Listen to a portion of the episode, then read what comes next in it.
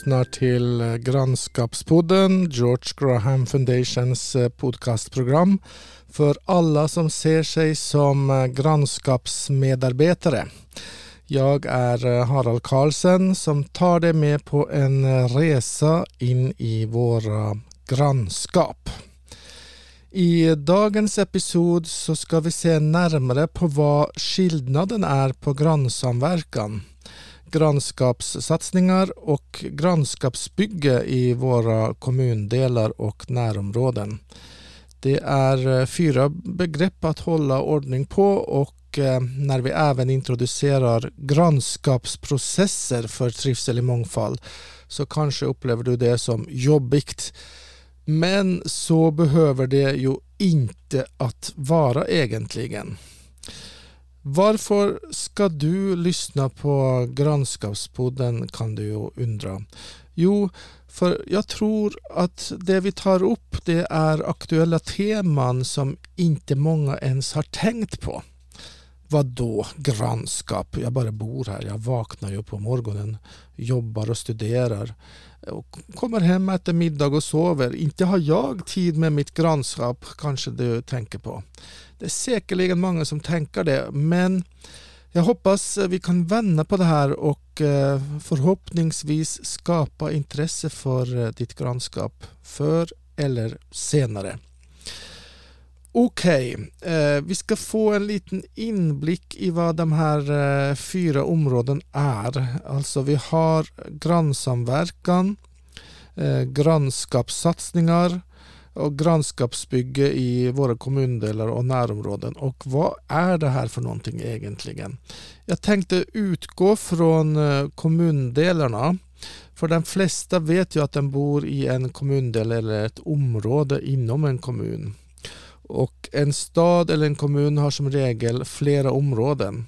Så man kan ju bo i ett område och jobba i ett annat grannskap till exempel. Eller i en annan kommun i ett grannskap i grannkommunen. Eh, jag bor i eh, Tureberg i Sollentuna kommun. Och eh, Sollentuna kommunen gränsar till Husby, Akalla och Kista i Stockholms stad. Eh, min kommundel Tureberg består av omkring 18 000 invånare. Eh, och eh, Rinkeby-Kista stadsdelförvaltning i Stockholm stad består av områden Akalla, Husby och Kista och Rinkeby med över 51 000 invånare. Så det blir därför naturligt att en kommundel har flera grannskap och områden där det bor människor tillsammans.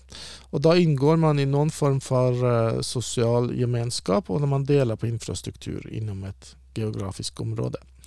Det här geografiska området det är emellertid lite knepigt för det är ingen som har skapat några grannskapsgränser och det här är helt nytt och oprovat. Och frågan är säkert, ska man göra det och behöver man göra det? Alltså behöver man skapa de här eh, grannskapsgränserna? Jag menar absolut ja och ja och ja. För vi behöver dela upp kommundelarna i mindre bitar och då passar säkerligen storlekar på runt 6 000 till 9 000 invånare i varje grannskap. Det här tror forskarna om, om svenska grannskapsstorlekar för nuvarande. Det kanske man ändras på i framtiden, men vem vet. Eh, så vi bor i ett område inom en kommundel och eh, kanske bor du just på grannskapsgränsen in i en kommundel eller, eller ditt grannskap känns, det känns naturligt att vara i en annan kommundel kanske. Så det är helt okej okay och, och, det kan vi leva med för det med grannskap är ju ganska flytande just nu. Eh, men så är nästa fråga, vad är grannskapssamverkan. Och det här det handlar om brottsförebyggande och trygghetsskapande åtgärder. Jag hittade lite info i ett eh, studentarbete av Vanja Cesato från eh, KTH år 2019. Och där beskrivs det att säkerhet och trygghet är viktig för den sociala hållbarheten och en säker miljö möjliggör för de mest grundläggande mänskliga behoven. En säker bostad och en trygg stadsmiljö som tillåter fri rörelse för alla. Det här ingår i de globala målen för Agenda 2030 när det gäller hållbar utveckling och det antogs av alla Förenta Nationernas medlemsländer 2015. Så det här handlar alltså om stadsplanering med fokus på säkerhet och trygghet. Grannskapssamverkan mot brott, alltså samverkan mot brott, Sambo, är, det är en organisation som består av polisen, försäkringsbolagen, Brottsförebyggande rådet, Stöldskyddsföreningen, Sveriges kommuner och landsting, Villaägarna med flera. Och de verkar för att skapa ett tryggare boende. Och det här är eh, SFF Stöldskyddsföreningen som är huvudman för verksamheten. Och Samverkan mot brott den finansierar all verksamheter runt om i Sverige. Så där kan medborgarna i en kommun ta eget initiativ för att minska risken för att bli utsatta för brott. Det ligger i, i själva idén med samverkan mot brott.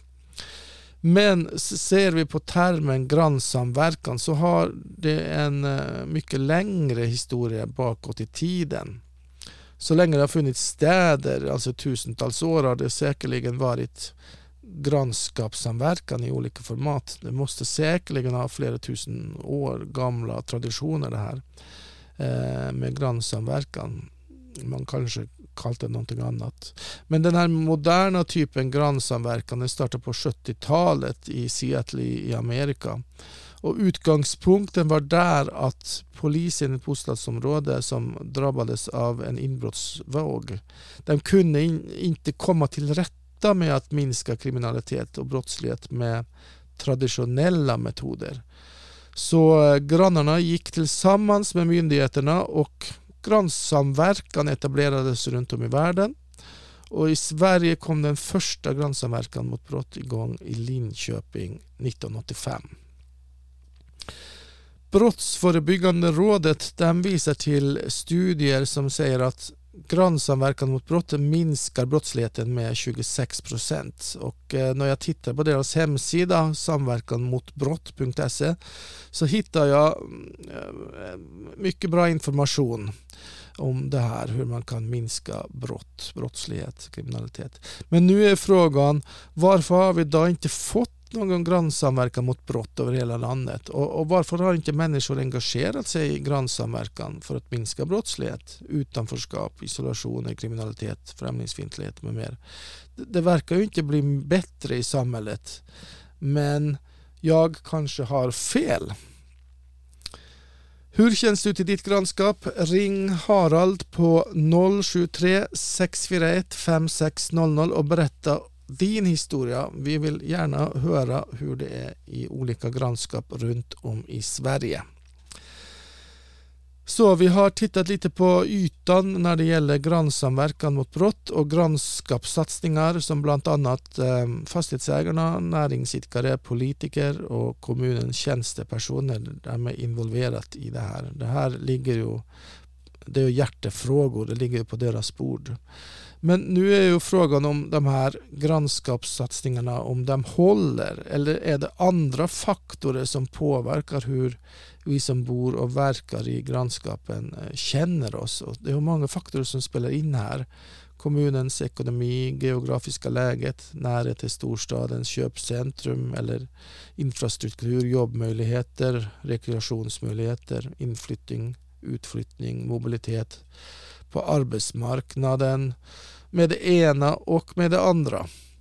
Men när jag tar upp ämnen grannskapsbygge och grannskapsinsatser för trivsel i mångfald, alltså det nästa eh, steget här, så är det helt andra faktorer som vi tittar på. För då handlar det nämligen om att bemyndiga barn, ungdomar och vuxna i våra grannskap. Och det här är något som man inte direkt talar om i samhällsdialogen för att det blir lite jobbigt. Kanske tror man att det blir många kockar som krockar i grannskapet. Det kan ju verka som om det blir många konfliktsituationer och missförstånd när alla ska vara med och ehm, hjälpa till. För helt klart så är direktdemokrati eller lokaldemokrati det är ganska främmande för många och som sagt så är det få som engagerar sig i grannskapet. Man har ju inte så eh, mycket intresse om man ska gå på de här mötena där det är konfliktmöten mycket. För när det gäller att bemyndiga stora befolkningsgrupper så, så står man lite vid sidan om och tittar på det är svåra frågor det här.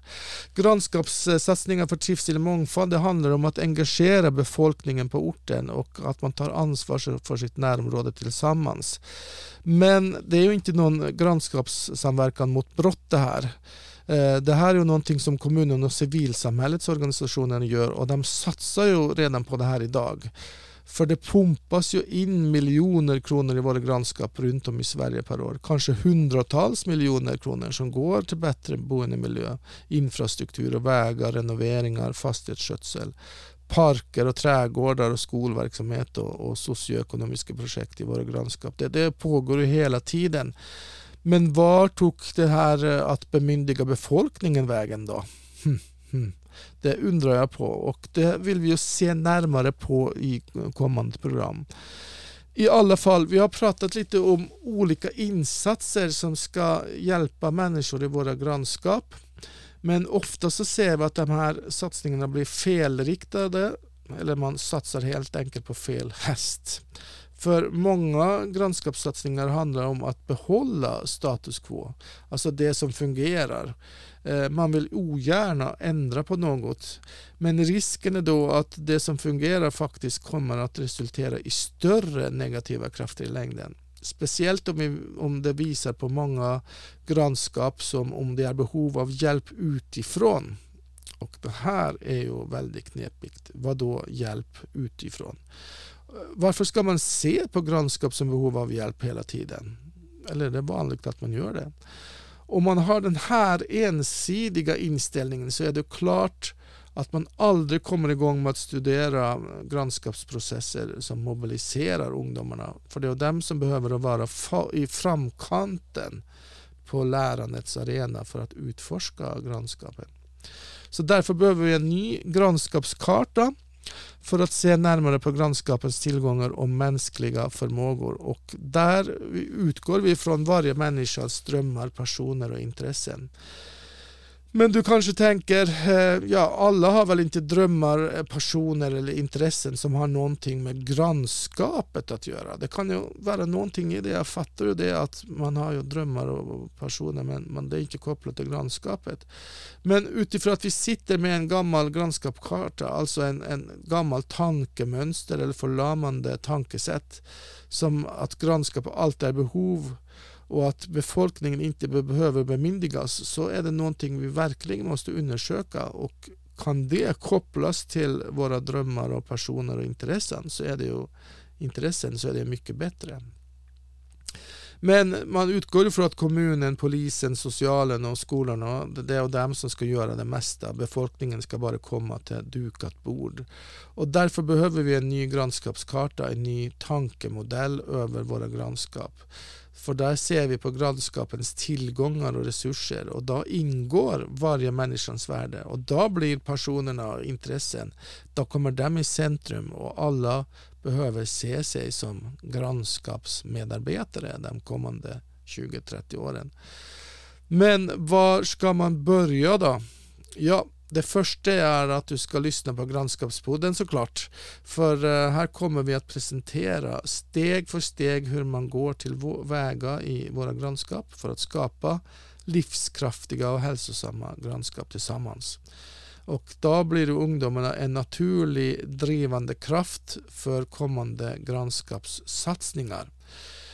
Så du som lyssnar på programmet, ring Harald på 073 641 5600 och berätta om dina drömmar och passioner och hur du kan koppla det, dina intressen, drömmar och passioner till närområdet och grannskapet där du bor.